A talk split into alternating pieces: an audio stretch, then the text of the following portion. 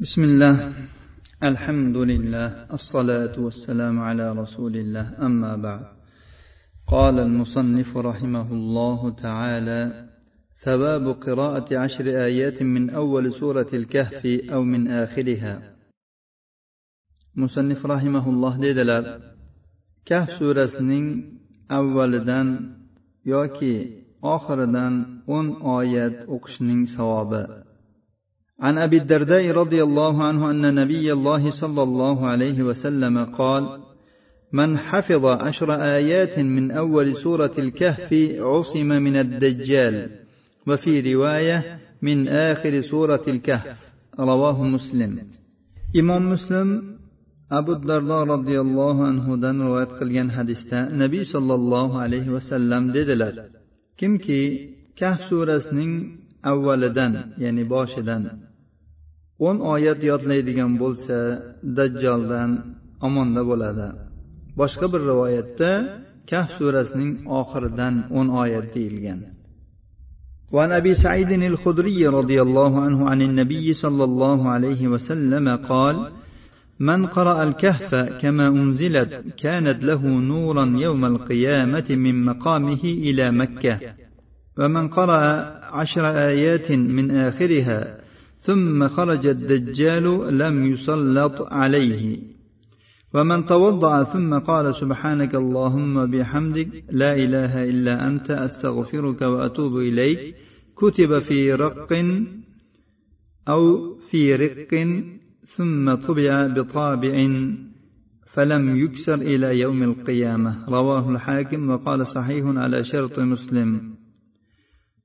هنا قال ومن قرأ عشر آيات من آخرها وفي رواية من أولها أبو سعيد الخدري رضي الله عنه رواية قلنا النبي صلى الله عليه وسلم dedilar kim kahf surasini nozil bo'lganidek o'qiydigan bo'lsa u uchun qiyomat kunida ana shu turgan joyidan makkagacha nur bo'ladi kim uning oxiridan boshqa bir rivoyatda avvalidan deyilgan imom muslimni rivoyatlarida uning avvalidan o'n oyat o'qiydigan bo'lsa so'ngra dajjol chiqib qoladigan bo'lsa dajjol unga hukmron etilmaydi unga qodir bo'lmaydi kim tahorat qiladigan bo'lsa so'ngra aytsaki سبحانك اللهم بحمدك لا إله إلا أنت أستغفرك وأتوب إليك ey allohim men seni barcha aybi nuqsonlardan poklayman Senga hamd aytaman. Sendan o'zga barhaq iloh mahbud yo'q. Senga istig'for aytaman va senga tavba qilaman. Desa bu narsa bir teriga yoki qog'ozga yozib qo'yiladi. So'ngra uni muhrlanadi va bu muhr qiyomat kunigacha sindirilmaydi. Imom hokim rivoyatlari bu hadis sahih targ'ib va tarhibda bir ming to'rt yuz yetmish uchinchi raqam ostida sahihun deyilgan.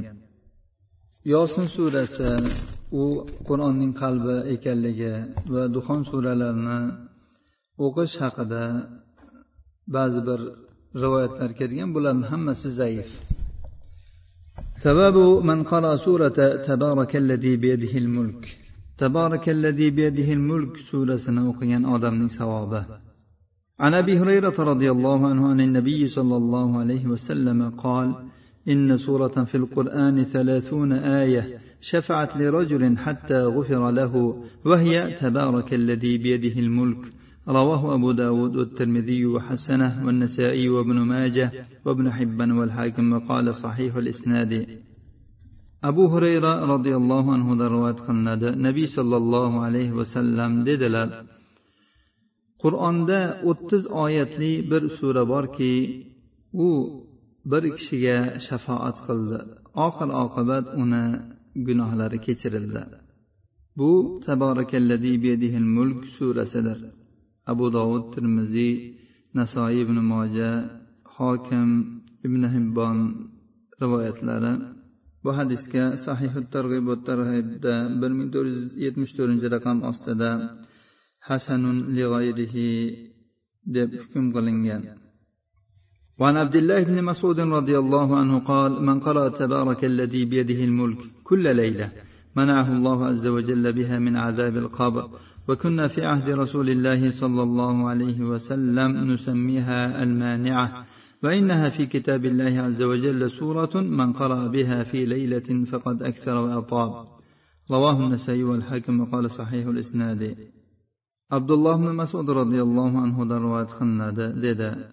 Kim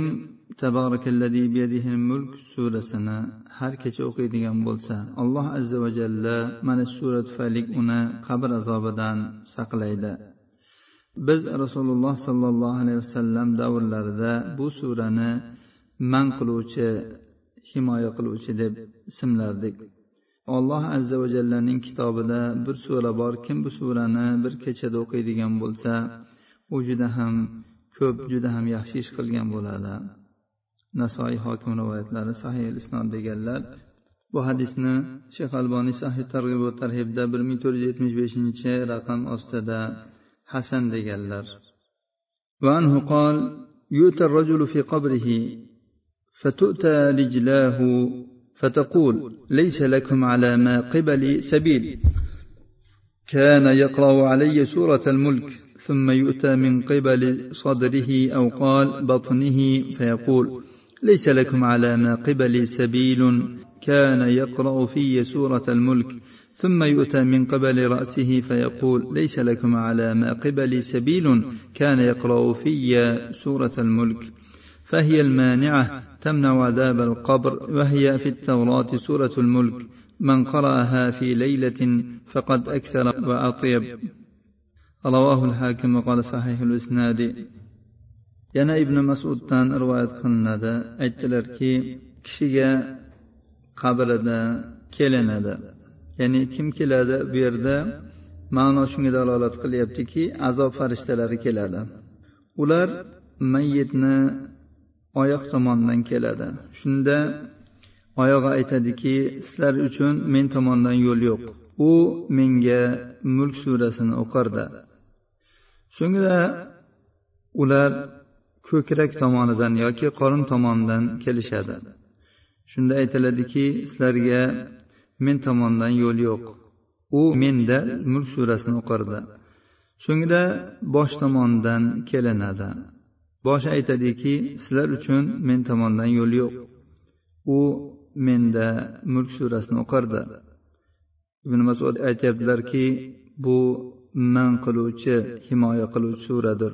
Qabr azobidan saqlaydi. Bu sura tavrotda ham mulk surasi edi. Kim bu surani bir kechada o'qiydigan bo'lsa juda ham ko'p yaxshi ishlarni qilgan bo'ladi. Imom hokim rivoyatlari. Bu hadis sahih targ'ib tarhibda bir ming to'rt yuz yetmish beshinchi raqam ostida hasanun deyilgan. Ba'zi ulamolar keyingi rivoyatlarni zaif sanaganlar xosatan kechada deb aytgan joylarini gohilar bu hadisni mavquf deyishgan. Ulamolar aytganlarki umumiy suratda kechqurunda bo'lsin kunduzda bo'lsin namozlarida shu taborak surasini o'qib yurgan va taborak surasini ma'nolarini tushunib undagi oyatlariga amal qilib yurgan odamni bu sura shafoat qiladi va qabrida uni qabr azobidan saqlaydi deganlar savobi qul huvallohu ahad qul huvallohu ahad surasining savobi عن ابي الدرداء رضي الله عنه عن النبي صلى الله عليه وسلم قال أيعجز أحدكم أن يقرأ في ليلة ثلث القرآن؟ قالوا وكيف يقرأ ثلث القرآن؟ قال قل هو الله أحد تعدل ثلث القرآن. وفي رواية إن الله عز وجل جزأ القرآن بثلاثة أجزاء فجعل قل هو الله أحد جزءا من أجزاء القرآن رواه مسلم. abu dardo roziyallohu anhudan rivoyat qilinadi. Nabiy sollallohu alayhi vasallam dedilar sizlardan biringiz bir kechada qur'onni uchdan birini o'qishdan ojizmi? Ular qanday qilib qur'onni uchdan birini o'qiydi? deb so'radilar. Aytdilarki qul huvallohu ahad qur'onni uchdan biriga tengdir. Boshqa bir rivoyatda alloh azza va jalla qur'onni uch bo'lakka bo'ldi. Qul huvallohu ahadni shu qur'on bo'laklaridan bir bo'lak qildi imom muslim rivoyatlari وعن ابي هريره رضي الله عنه قال قال رسول الله صلى الله عليه وسلم احشدوا فاني ساقرا عليكم ثلث القران فحشد من حشد. ثم خرج النبي صلى الله عليه وسلم فقرأ قل هو الله أحد. ثم دخل فقال بعضنا لبعض إنا نرى هذا خبر جاء من السماء فذلك الذي أدخله ثم خرج النبي صلى الله عليه وسلم فقال إني قلت لكم سأقرأ عليكم ثلث القرآن ألا إنها تعدل ثلث القرآن رواه مسلم abu hurayra roziyallohu anhudan rivoyat qilinadi rasululloh sollallohu alayhi vasallam dedilar to'planinglar men sizlarga qur'onni uchdan birini o'qib beraman. To'planganlar to'planishdi so'ngra nabiy sollallohu alayhi vasallam chiqdilar va qul huvallohu ahad surasini o'qidilar. So'ngra kirib ketdilar. Biz bir birimizga dedikki bu osmondan biror bir xabar nozil bo'ldi shekilli. Shu narsa tufayli rasululloh sollallohu alayhi vasallam kirib ketdilar. So'ngra nabiy sollallohu alayhi vasallam chiqdilar va aytdilarki men sizlarga qur'onni uchdan birini o'qib beraman degandim. Bu sura qur'onni uchdan biriga teng. Imom muslim rivoyatlari.